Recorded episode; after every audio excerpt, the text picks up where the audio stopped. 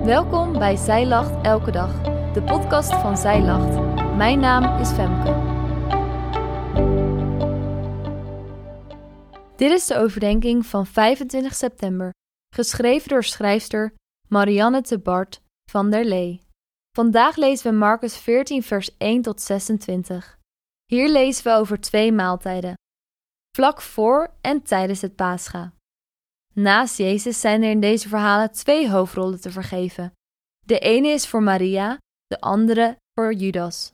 Beide komen ze met een heel ander hart bij Jezus. Wat leeft daar precies?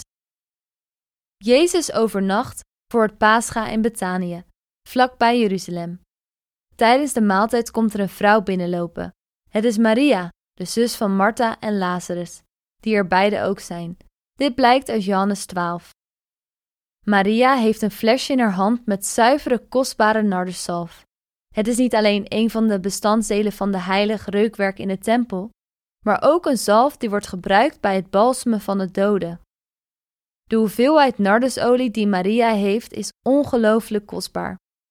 Normaal gesproken wordt alleen het hoofd ermee gezalfd en zeker niet de voeten.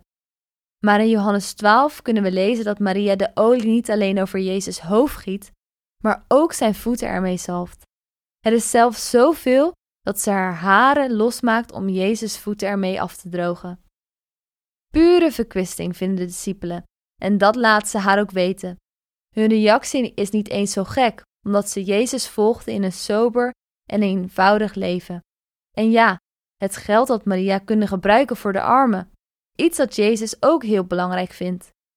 Kun je de minachting in hun blikken voorstellen? In plaats van dat Jezus de discipelen gelijk geeft wat ze ongetwijfeld hadden verwacht, neemt hij het op voor Maria. Hij noemt haar daad een goed werk dat ze tot eer van hem heeft gedaan.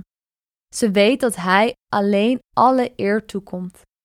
De armen zullen er altijd zijn, maar Jezus staat op het punt om te sterven. Maria had altijd al aan zijn voeten gezeten en ze was misschien wel de enige die dat wist. Daarom deed ze wat ze kon en zalfde ze hem nog voor zijn begrafenis.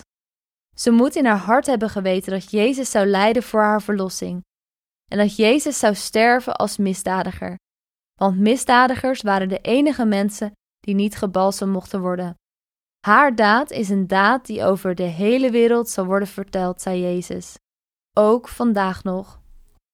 En dan de tweede persoon. We lezen even later dat Jezus de Pascha viert met zijn discipelen. Een leerling van Jezus moet wel een goed persoon zijn, toch?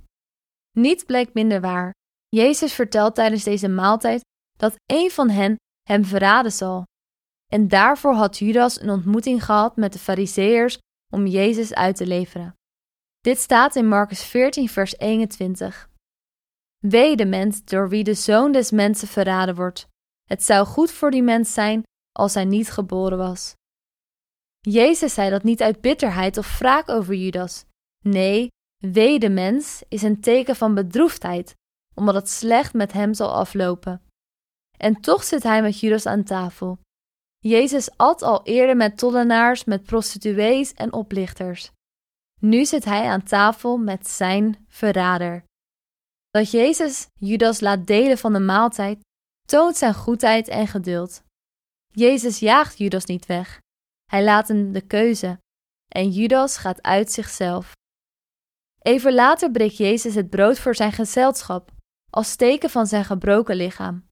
Hij drinkt met hen de wijn als teken van een nieuw verbond. Niet meer het bloed van offerdieren als voorlopige verzoening, maar een definitief en volmaakt herstel voor alle mensen. Daar, aan die tafel, neemt hij afscheid. Hij geeft aan dat dit zijn laatste maaltijd is. Misschien was Maria wel de enige die dat echt doorhad.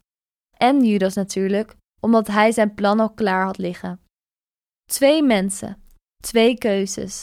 De Heere dienen met alles wat je hebt, of hem verraden.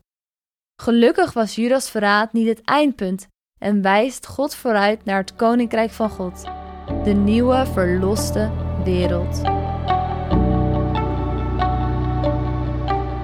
Dankjewel dat jij hebt geluisterd naar de overdenking van vandaag.